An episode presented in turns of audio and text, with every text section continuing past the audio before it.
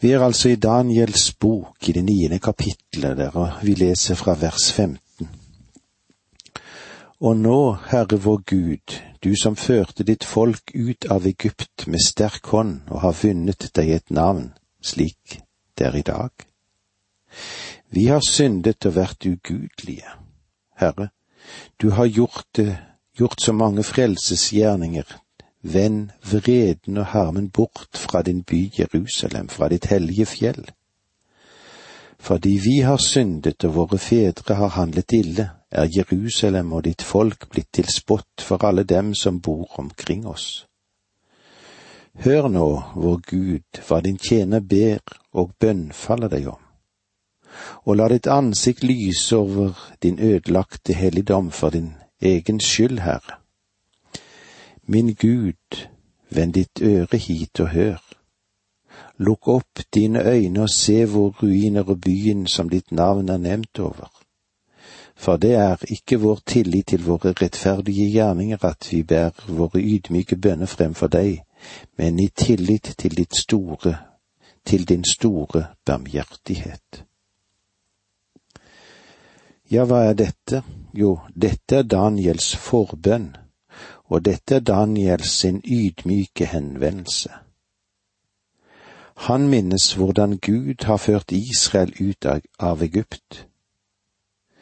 Gud gjorde det på grunn av sin rettferdighet. Han gjorde ikke dette på grunn av deres rettferdighet.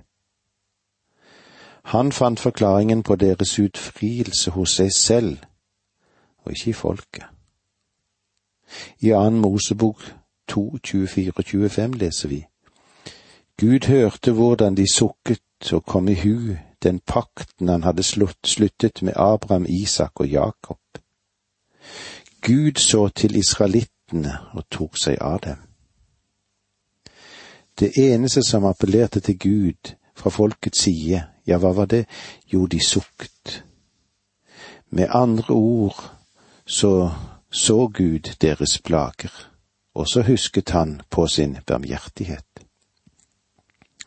Og nå ber Daniel Gud gjenta det han tidligere har gjort ved å gjenfri dem på grunn av sin rettferdighet. Gud er rettferdig når han rekker ut sine barmhjertige hender mot oss på grunn av Jesus Kristus. Har han helt og fullt betalt straffen for vår synd. Eller som det står i Romerbrevet 326 men i vår tid vil han vise sin rettferdighet, både at han selv er rettferdig, og at han erklærer den rettferdig som tror på Jesus. Legg nå merke til Daniel sin henstilling og innstilling, den innstendige innstilling som han har. Da leser vi vers 19. Herre, hør, Herre, tilgi Herre, gi akt på vår bønn. Grip inn, dryg ikke, for din egen skyld, min Gud, for ditt navn er nevnt over din by og ditt folk. Skal vi lese det en gang til? Herre, hør, Herre, tilgi. Herre, gi akt på vår bønn. Grip inn, dryg ikke, for din egen skyld, min Gud for ditt navn er nevnt over din by og ditt folk. Dette er et klimaks på Daniels henvendelse til Gud. Han ber Gud høre og svare på grunn av den han er, på grunn av det han har lovet. Det hviler ikke noe godt over Israel. Daniel kommer ikke med sin bønn fordi han er Daniel. Det er heller slik at han gjør seg til ett med sitt folk og sier, Vi har syndet. Og dermed inkluderer han seg selv. Det er Guds navn som nå står på prøve, og Daniel er dypt bekymret for Guds navns skyld, og for Guds herlighets skyld.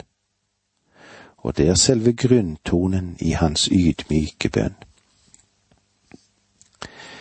Vi vil også se litt på hvordan det når Daniel bekjenner sin egen synd. Nå vil vi altså snart se at mens Daniel ba, så var det svar underveis. I vers 20 mens jeg ennå talte og ba og bekjente min egen og mitt folks Israels synd og bar fram for Herren min Gud en inderlig bønn for min Guds hellige fjell. Mens jeg ennå talte og ba og bekjente min egen synd. La du merke til hva Daniel sa? Min egen synd. Daniel bekjente at han var en synder. Det er interessant at det ikke er noe sted i Bibelen som nevner noen synd som Daniel har gjort. Faktisk er det slik at da fiendene prøvde å finne noe galt i hans liv, så kunne de ikke finne noe. Og vi kan være sikre på at de endevendte hvert stein, hvis vi kan si det på den måten, eller den minste detalj av Daniels liv for å finne noe å henge på ham, men de fant det ikke. Mens jeg ennå talte og ba, bekjente jeg min egen synd, bekjente min egen synd. Jeg har ganske ofte kommet over den uttalelsen at ingen har noensinne blitt frelst ved å holde de ti bud. Jeg har antydet at hvis noen visste noe i Det gamle testamentet som ble frelst ved å holde de ti bud, så måtte de kunne fortelle meg det. Og det var en student en gang som sa det slik. Jeg har funnet en mann i Det gamle testamentet som ikke har syndet. Det er Daniel. Og kanskje vi må si han hadde rett. Det er ikke sagt noen ting i Skriften om synd Daniel hadde begått. Men så må jeg også vise ham dette verset som Daniel gir oss her. Mens jeg ennå talte og ba, bekjente min egen synd. Om Daniel aldri hadde syndet, men sa at han bekjente sin synd, da ville han egentlig lyve om han da sa at han bekjente sin synd som han aldri hadde begått. Så Daniel, han er en synder. Hvordan vi enn snur og vender på det, så er Daniel òg en synder. Og jeg tror Bibelen har rett, og jeg vet at Bibelen har rett når den sier i Rombrevet 3.23 Alle har syndet og står uten ære for Gud. Hvis vi nå undrer på hvilken synd Daniel begikk, så la meg si at det angår verken deg eller meg. Det får høre til den skjulte historien, det. Gud sa ikke noe om dette i sitt eget ord, og det får være nok for oss, det. Så Daniel var en synder, og fremdeles så tror jeg at jeg har rett når jeg sier at ingen noensinne har blitt frelst ved å holde de ti bud. Daniel kastet seg selv ned og hele sitt folk og ba om Guds barmhjertighet, og han ba om at Herren måtte vise sine nådige hender. En inderlig bønn for min Gud og for min Guds hellige fjell, som ville være Jerusalem og Guds rike, som en dag skal stige frem. La oss se hva det står i Jesaja 2, vers 1 og 2. Herrens fjell i de siste dager. Det ord som Jesaja, sønn av Amos, fikk i et syn om Juda og Jerusalem. I de siste dager skal det skje at Herrens tempelberg skal stå grunnfestet høyt over alle fjell, og løfte seg opp over høydene. Dit skal alle folkeslag strømme. La oss se litt videre i vers 21 i kapittel 9 i Danielsboken. Ja, mens jeg ennå holdt på å be, kom Gabriel, den mannen jeg tidligere hadde sett i syn, og fløy helt bort til meg. Det var ved tiden for kveldsofferet. Mannen Gabriel Gabriel var en engel som åpenbart framtrådte i menneskeskikkelse. Daniel tidfester øyeblikket han trådte frem ved kveldsofferet i Jerusalem, og det ville være omkring klokken tre på ettermiddagen. Det var så langt vi kom i dag. Takk for nå, må Gud være med deg. Dette undervisningsprogrammet består av to deler. Åge Nevland fortsetter nå med andre del av dagens undervisning. Vi er i Daniels bok. Vi er i det niende kapitlet. Og vi opplever hvordan Daniel lærer oss hvordan han ba, og eh, hvor vi kommer til for kort. Nå går vi videre og ser profe profetien om de 70 ukene. Du husker vi var innom dette med at mens jeg ennå holdt på å be, som Daniel skriver i det 21. verset i kapittel 9. Ja, mens jeg ennå holdt på å be, kom Gabriel, den mannen jeg tidligere hadde sett i syn, og fløy helt bort til meg. Det var ved tiden for kveldsofferet. Ja, her kommer altså denne profetien som, som gjør det så veldig viktig for oss. Vi skal se fremover mot endetiden. Det er Daniels innledende ord, dette som vi nå skal stoppe opp for, som det står i versene 22 og 23 i kapittel 9. Han ville lære meg og sa, Daniel, nå er jeg kommet for å gi deg full innsikt. Da du begynte å be, gikk det ut et ord og jeg er kommet for å fortelle deg det, for du er elsket av Gud. Så merk deg ordet og gi akt på synet. Legg nå merke til at Daniel får umiddelbart svar på sin bønn. Her er det nok riktig som Jesaja skriver det i kapittel 65 vers 24. Før de roper skal jeg svare, men ennå mens de taler vil jeg høre. Jeg vet ikke om du la merke til at Daniel var elsket i himmelen. I den gamle oversettelsen og i den andre oversettelsen som vi har, så står det slik høyt elsket. Det er vidunderlig. Høyt elsket. Den som tror på Jesus Kristus, blir sett av Gud som å være i Kristus. Høyt elsket. I Efeserne 1,6 blir det tatt imot i den elskede, så enhver troende er elsket i himmelen fordi han er i Kristus.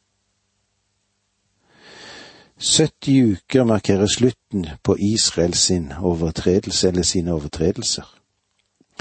Vers 24 70 uker er fastsatt for ditt folk og din hellige by til ondskapen har nådd sitt mål og synden tar slutt. Da blir skylden strøket ut, det kommer en evig rettferd, profetenes syner blir stadfestet, og det aller helligste blir salvet. 70 uker betyr ikke uker med syv dager, men det betyr 70 uker med syv år eller syv andre tidsperioder. Det hebraiske ordet for syv er sabua, som betyr målbar enhet. Vi kunne sammenligne det med vårt ord dusin.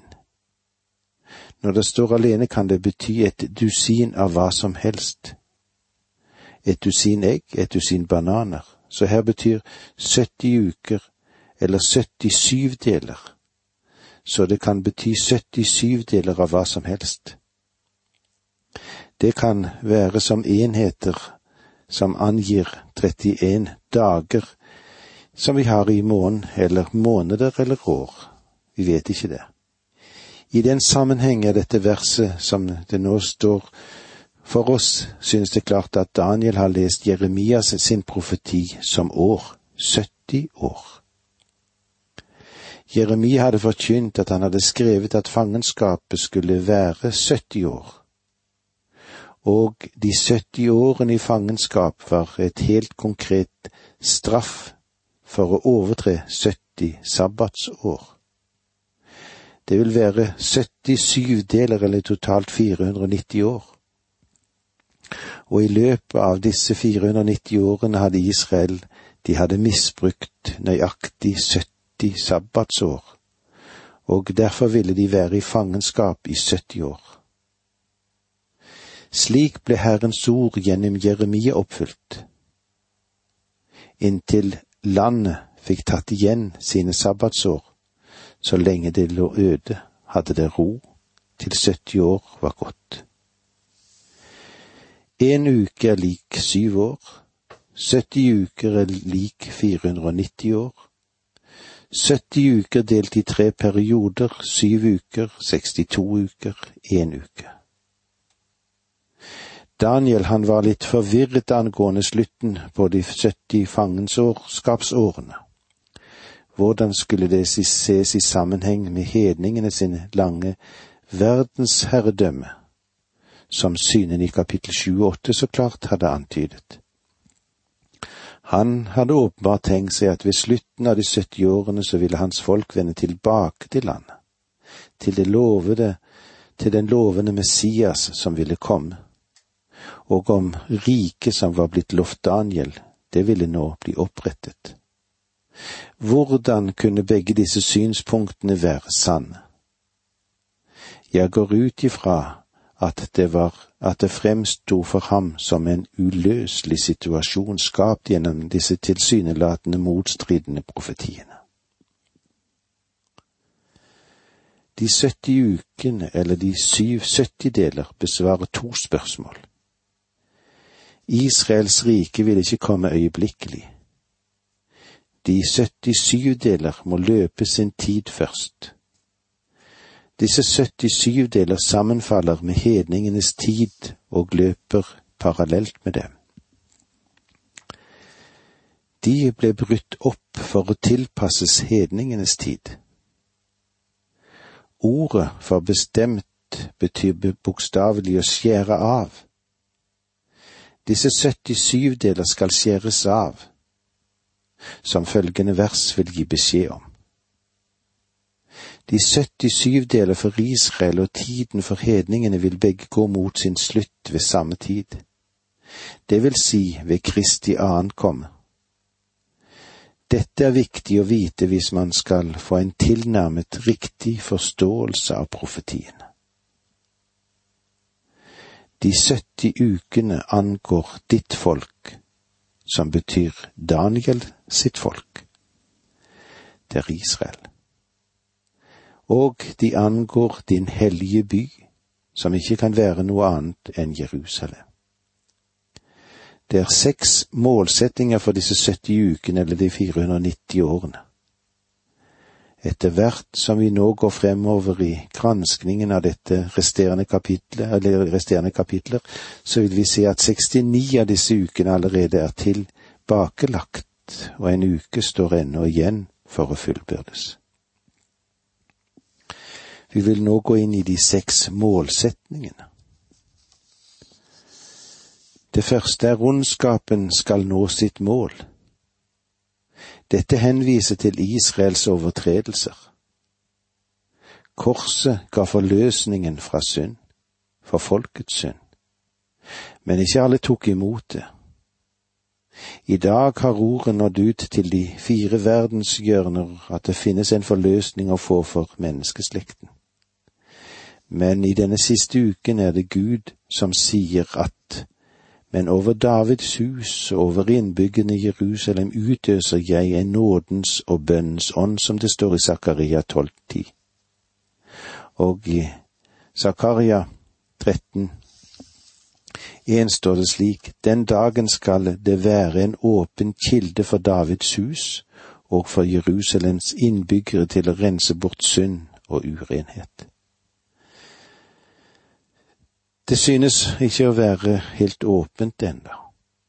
Du kan bare ta et blikk på Israel, så vil du få et klart øye på dette, og du må erkjenne at det ikke er fullbyrdet. Synden tar slutt. Israels synd som nasjon vil ta ende ved Kristi ankomme.